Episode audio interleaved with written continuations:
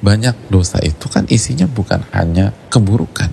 Karena banyak dosa pun mengandung sisi kenikmatan. Kita nggak pernah mengatakan dosa itu nggak punya kenikmatan.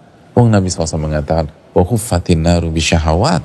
Neraka itu dikelilingi dengan hal-hal yang sesuai dengan syahwat. Itu apa dosa? Dosa sesuai dengan syahwat kita. Berarti enak apa enggak? Enak. Karena cocok dengan syahwat. Tapi camkan semu. Dan yang berikutnya kadarnya itu rendah kok. Tidak sebanding dengan sisi buruknya dan efek sampingnya yang sangat mematikan. Nah kita suka tertipu di situ. Sebaliknya, ketaatan itu punya sisi kesulitan dan rasa sakit. Abdullah bin Mas'ud mengatakan al-haqqu thaqil. Kebenaran itu berat, jadi punya sisi beratnya.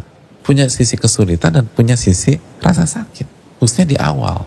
Tapi sisi kesulitan dan rasa sakitnya nggak sebanding dengan besarnya kenikmatan sejati yang akan diperoleh.